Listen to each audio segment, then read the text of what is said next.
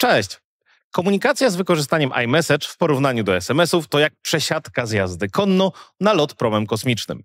Apple rozwiązało przecież ogrom problemów. Wiadomości nie mają śmiesznie małego limitu długości, możemy reagować na nie emoji, odpisywać w wątkach, widzimy, czy aktualnie ktoś coś pisze. No i przede wszystkim możemy przesyłać media w bardzo wysokiej jakości. Nowy, lepszy świat. Bajka. A zapomniałbym o najważniejszym. Całość komunikacji jest szyfrowana end-to-end, również kiedy prowadzimy rozmowy grupowe. No i oczywiście wszystko świetnie integruje się z całym ekosystemem Apple. Tak, ekosystem, słowo klucz. No bo jak to w przypadku Apple często bywa, nie ma mowy o współpracy z konkurencją. iMessage działa na jabłkach i tylko na jabłkach. To zresztą jedna z najsilniejszych kart przetargowych, żeby ktoś, kto raz skorzystał z iPhone'a, nigdy już nie patrzył w inną stronę. Dlaczego? Bo niekompatybilność rodzi sporo problemów.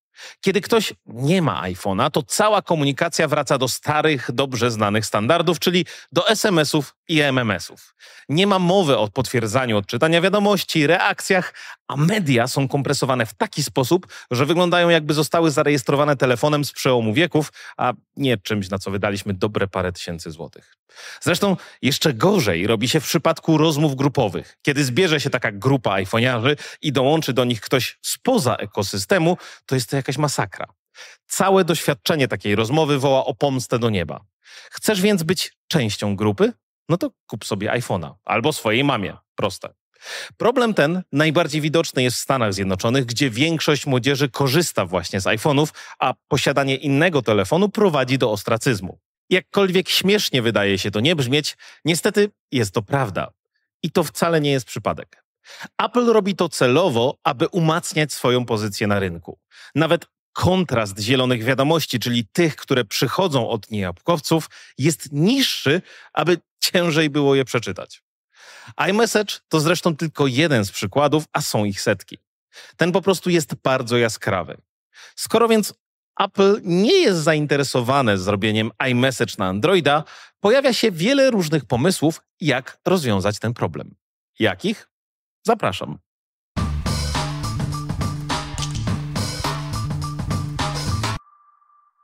Gdy ktoś pyta, czy można iMessage do Androida?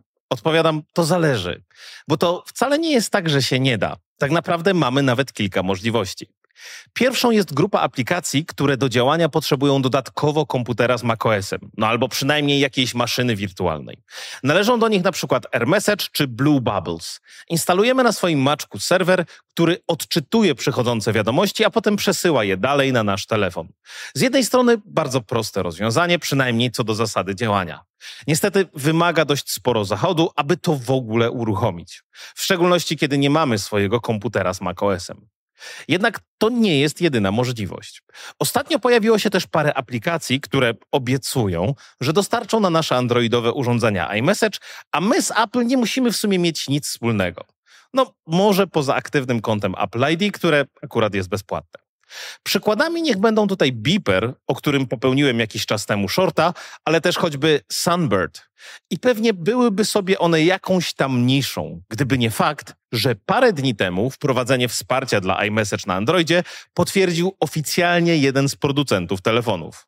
I to nie w formie zachęcenia do instalacji czegoś, a po prostu tak od razu po wyjęciu urządzenia z pudełka. Mowa o Nothing i ich zapowiedzianej aplikacji Nothing Chats. Jednak to nie dzieło programistów pracujących w Nothing. Miała ona być po prostu opakowanym w nowe pudełko Sunbirdem, o którym przed chwilą wspominałem.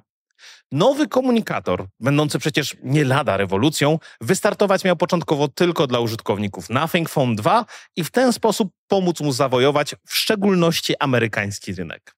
Firma jednak szybko musiała wycofać się z tej obietnicy rakiem. Dlaczego? Nie. Wycofanie się z obietnic to wcale nie efekt tego, że Apple się zdenerwowało albo wytoczyło jakiś pozew. Z jednej strony niezbyt w sumie mogło.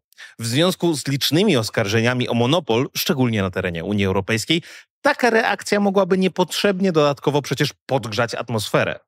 Ale Apple w sumie po prostu nie zdążyło. Kiedy Nothing razem z Sunbirdem z pompą ogłosili, że są pierwszą firmą, która wprowadzi domyślnie wsparcie dla iMessage na Androidzie, natychmiast trafili pod lupę. Co nie dziwne, na widelec wzięła ich również konkurencja, choćby w postaci komunikatora text.com. Czego ciekawego się dowiedzieliśmy? Pierwsze wnioski były bardzo ciekawe. W tle rzekomo działać miało wspomniane już dziś Blue Bubbles, robiąc za serwer. Sunbird szybko zaprzeczył tym doniesieniom, wskazując, że to jedynie przypadkowa zbieżność nazw, a całe dostarczane przez nich oprogramowanie jest w pełni własnościowe. Ale to był dopiero początek łamiących wiadomości. Szybko okazało się, że wiele istotnych danych, w tym tokeny, przesyłanych jest czystym tekstem protokołem HTTP bez jakiegokolwiek szyfrowania. Tym samym można je w banalny sposób podsłuchiwać, uzyskując dostęp do informacji, które pewnie nie powinny być nikomu ujawniane.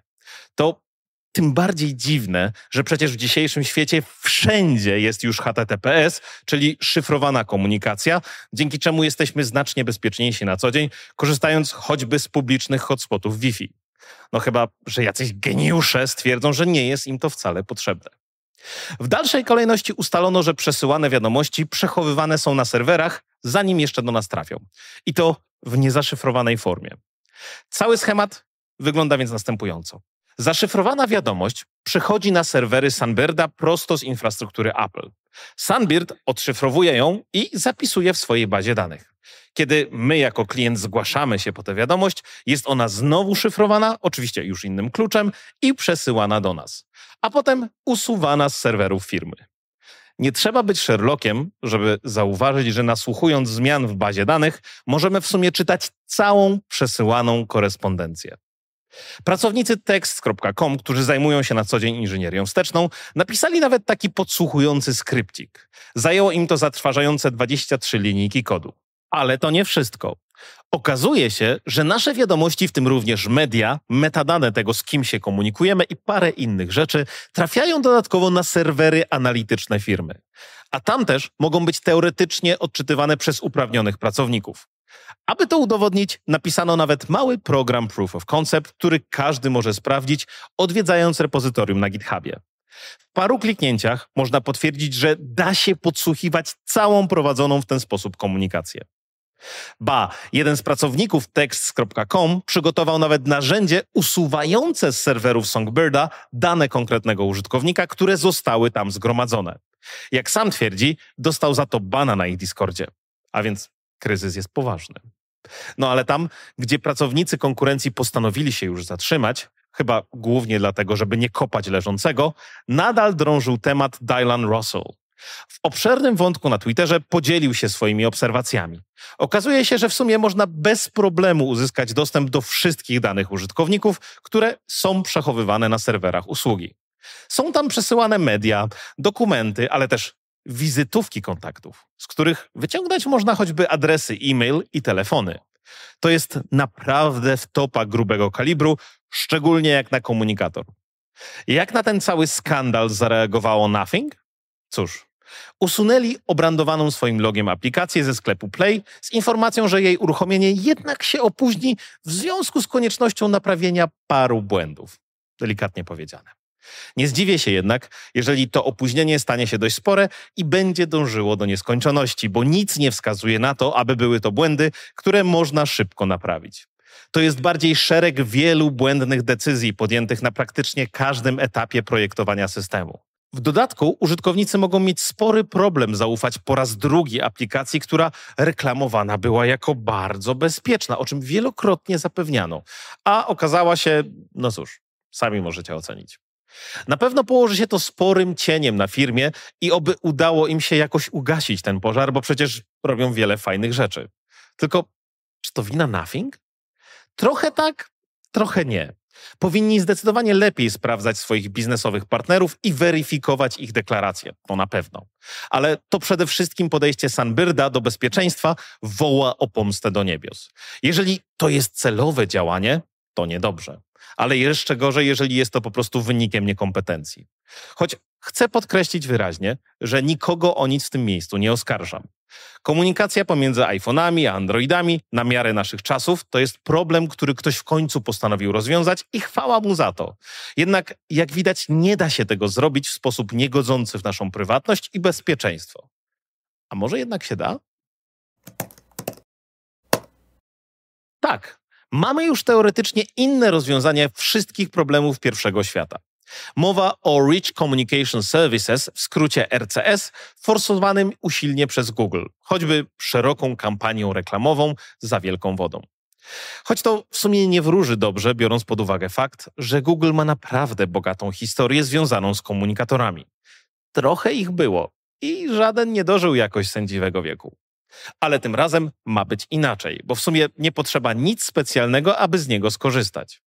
RCS to otwarty standard, będący w zamyśle następcą SMS-ów i MMS-ów. Będąc niejako taką nadbudówką nad SMS-ami, nie trzeba zakładać żadnych dodatkowych kont w usługach. Oczywiście powstało kilka jego wersji po drodze, ale ta najpopularniejsza, nazywana Universal Profile, wspierana jest już bardzo szeroko. W szczególności przez Google'a czy Samsunga oraz operatorów telekomunikacyjnych na całym świecie. Możemy więc w łatwy sposób przesyłać multimedia wysokiej jakości, reagować emoji, wiedzieć, czy akurat ktoś coś pisze itd., tak itd. Tak I to wszystko również w konwersacjach grupowych, czy korzystając z komputera zamiast telefonu. Czyli w sumie takie iMessage, tylko że na Androida. Po prostu działa po wyjęciu androidowego telefonu z pudełka, bo prawie każdy telefon wielkim wysiłkiem wspiera tę technologię. Każdy poza iPhone'em. Ale to już niedługo ma się zmienić, bo po wielu latach piekło w końcu zamarzło. Apple zapowiedziało, że będzie wspierać RCS-a również na swoich urządzeniach. Informacja ta trafiła na światło dzienne dosłownie w chwilę po rewelacjach Nothing na temat ich wsparcia dla iMessage. Jeżeli jednak uważacie, że te dwie kwestie są w jakiś sposób ze sobą powiązane przyczynowo-skutkowo, to raczej wyciągacie zdecydowanie zbyt daleko idące wnioski.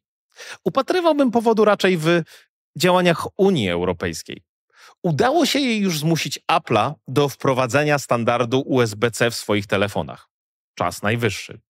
Apple walczy też o to, aby iMessage nie zostało uznane za monopolistę na swoim poletku. No bo wtedy Unia może chcieć ich zmusić do całkowitego otwarcia swojej usługi na zewnętrzne klienty. Wprowadzenie wsparcia dla RCS-a to jest taki genialny ruch, no bo podobno najlepszą obroną jest atak. Będą mogli oni przecież deklarować, że tak naprawdę to oni wspierają otwartą i ustandaryzowaną komunikację i nie trzeba się ich czepiać.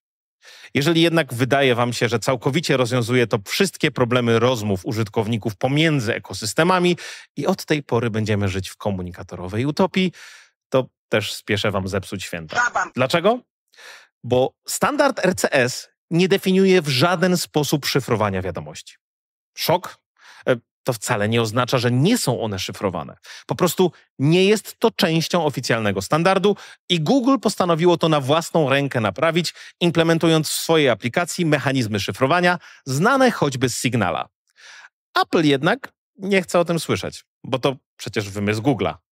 Więc na ten moment wygląda na to, że o ile nic się nie zmieni, to iMessage owszem będzie wspierało RCS, ale bez szyfrowania end-to-end. Czyli w sumie działa, ale tak nie za bardzo. A, no i podział na zielone i niebieskie dymki też zostaje, żebyście sobie nie myśleli.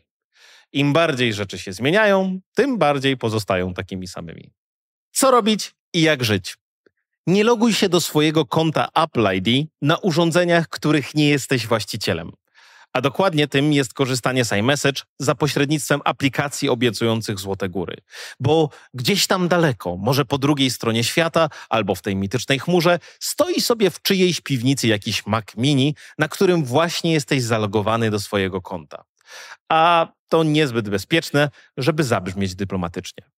Jeżeli zalogowałeś się na jakimś urządzeniu do swojego konta Apple ID, to właściciel tego sprzętu ma od teraz dostęp do Twoich zdjęć, wiadomości, pęku kluczy i wielu innych rzeczy. Twórcy aplikacji oczywiście tłumaczą, że wcale nie mają do tego dostępu albo w ogóle ich to przecież nie interesuje i nic złego z tym nie robią. I pewnie nawet tak jest. Sęk w tym, że mają taką techniczną możliwość, a to w zupełności wystarcza, żebyś im nie ufał.